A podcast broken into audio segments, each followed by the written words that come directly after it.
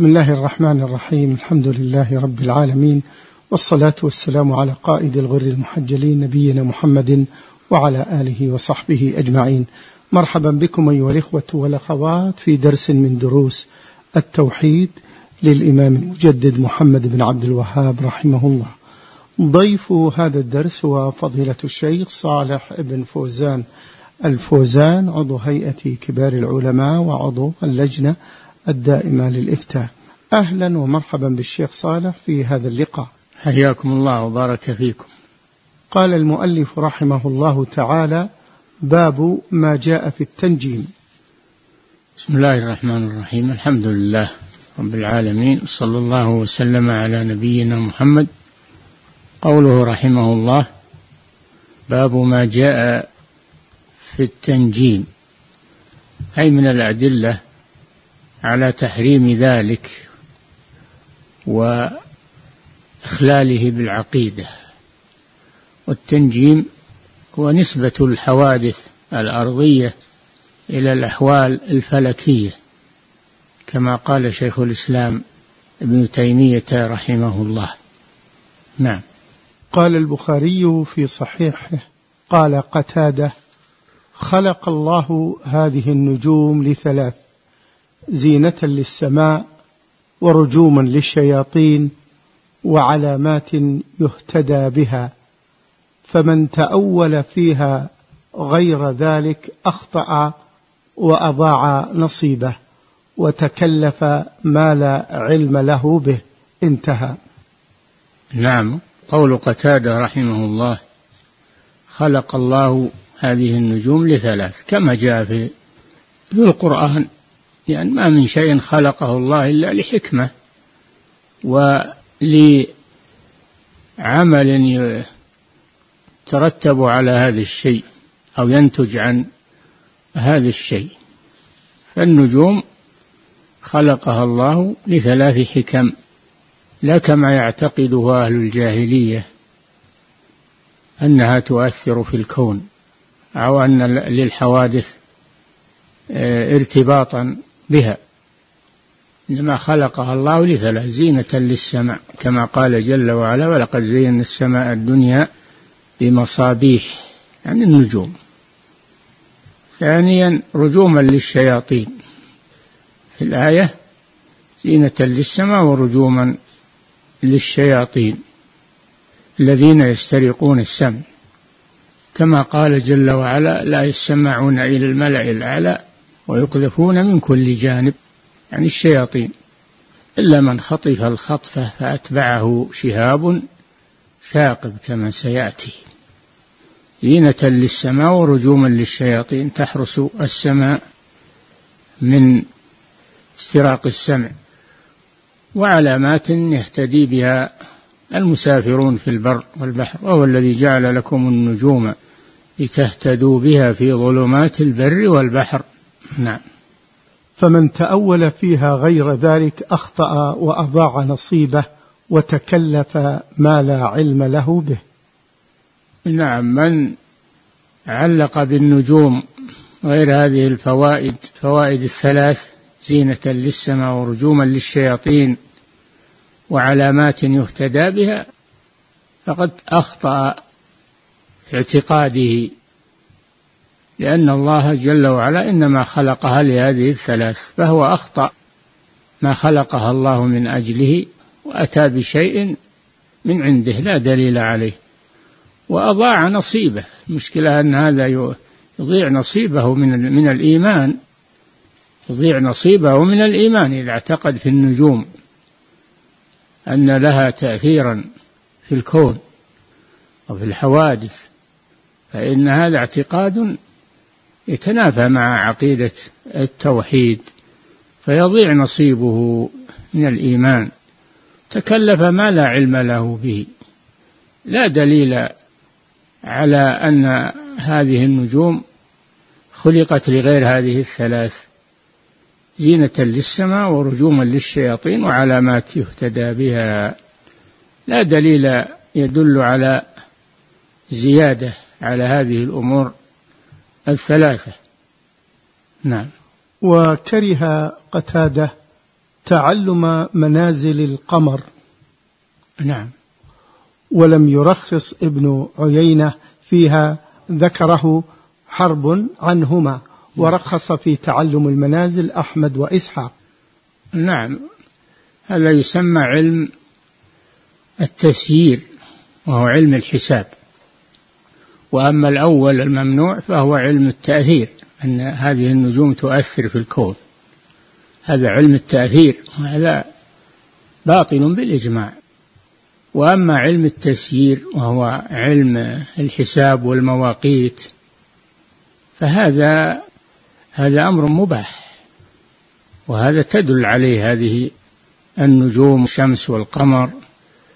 الله جل وعلا جعل هذه هذه الكواكب و بمسيرها و وأوقاتها جعلها آه، مواقيت. جعلها مواقيت لمصالح الناس. يعرفون بها مواقيت البذور ويعرفون بها مواقيت مصالحهم. هذا ما يسمى علم التسيير وهو من العلماء من منعه ومنهم من أجازه وهذا هو الصحيح. نعم. وعن أبي موسى قال قال رسول الله صلى الله عليه وسلم ثلاثة لا يدخلون الجنة مدمن الخمر وقاطع الرحم ومصدق بالسحر رواه أحمد وابن حبان في صحيحه. أخبر صلى الله عليه وسلم أن ثلاثة لا يدخلون الجنة. أولهم مدمن الخمر. أولهم مدمن الخمر أي المداوم على شرب الخمر. إذا لم يتب إلى الله وهذا من أحاديث الوعيد وإلا فإن مدمن الخمر مرتكب. كبيرة من كبائر الذنوب وهي دون الشرك. الله جل وعلا قال إن الله لا يغفر أن يشرك به ويغفر ما دون ذلك لمن يشاء. ولكن هذا من باب الزجر والوعيد. إنه لا يدخل الجنة. باب الزجر والوعيد. وقاطع الرحم لأن الرحم هي القرابة التي تربطك بها جهة الأب أو جهة الأم كالأعمام والعمات والأخوال والخالات والأجداد والجدات. هؤلاء هم الأرحام. قال الله جل وعلا فهل عسيتم إن توليتم أن تفسدوا في الأرض وتقطعوا أرحامكم؟ أولئك الذين لعنهم الله فأصمهم وأعمى أبصارهم. وفي هذا الحديث أنه لا يدخل الجنة من باب الوعيد. والتغليظ عليه. قيل لا يدخل الجنة من أول وهلة وقيل إنه يمر كما جاء من باب الزجر والتهديد.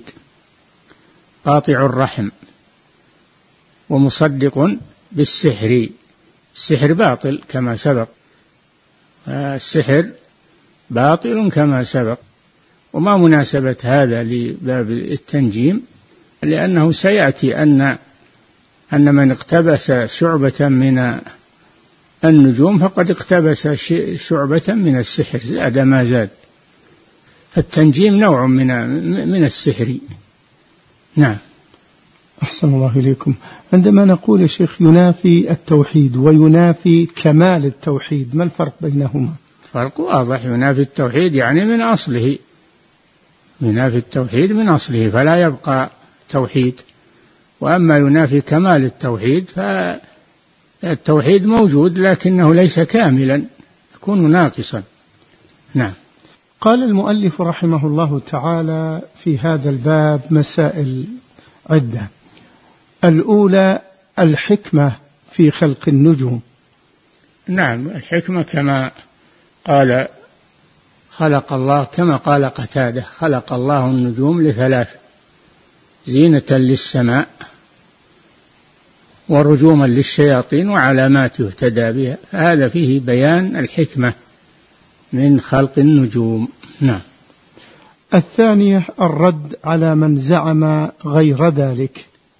الرد على من زعم غير ذلك. فمن تأول فيها غير ذلك فقد أضاع نصيبه وتكلف ما لا علم له به. ففي هذا رد على من يتعاطى علم النجوم. ويزعم أن ذلك جائز. نعم. الثالثة ذكر الخلاف في تعلم المنازل. بعض السلف أجازه لما فيه من المصالح لأنه يتوافق مع الحكمة التي من أجلها خلق الله هذه النجوم. تعلم المنازل منازل القمر. منازل القمر. التي ينزل في كل ليلة ينزل في منزلة حتى يكمل الشهر.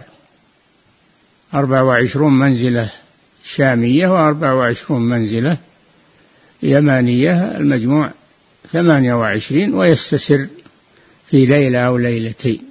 يكمل الشهر بذلك. كل ليلة ينزل في منزلة. وهي هذه النجوم التي جعلها الله سبحانه وتعالى في السماء. نعم. سوف نستكمل إن شاء الله بقية هذه المسائل في الدرس القادم إن شاء الله في هذه الدروس المهمة في حياة المسلم من كتاب التوحيد للإمام المجدد محمد بن عبد الوهاب رحمه الله. شكرا لفضيلة الشيخ صالح بن فوزان الفوزان الذي يشرح هذه الدروس. وشكرا لحضراتكم أنتم على حسن المتابعة لنا وسجل هذا الدرس الزميل عبد الله المواش من مكتبة الشيخ بمدينة الرياض. حتى ذلكم الحين نترككم في رعاية الله وعنايته. والسلام عليكم ورحمة الله وبركاته.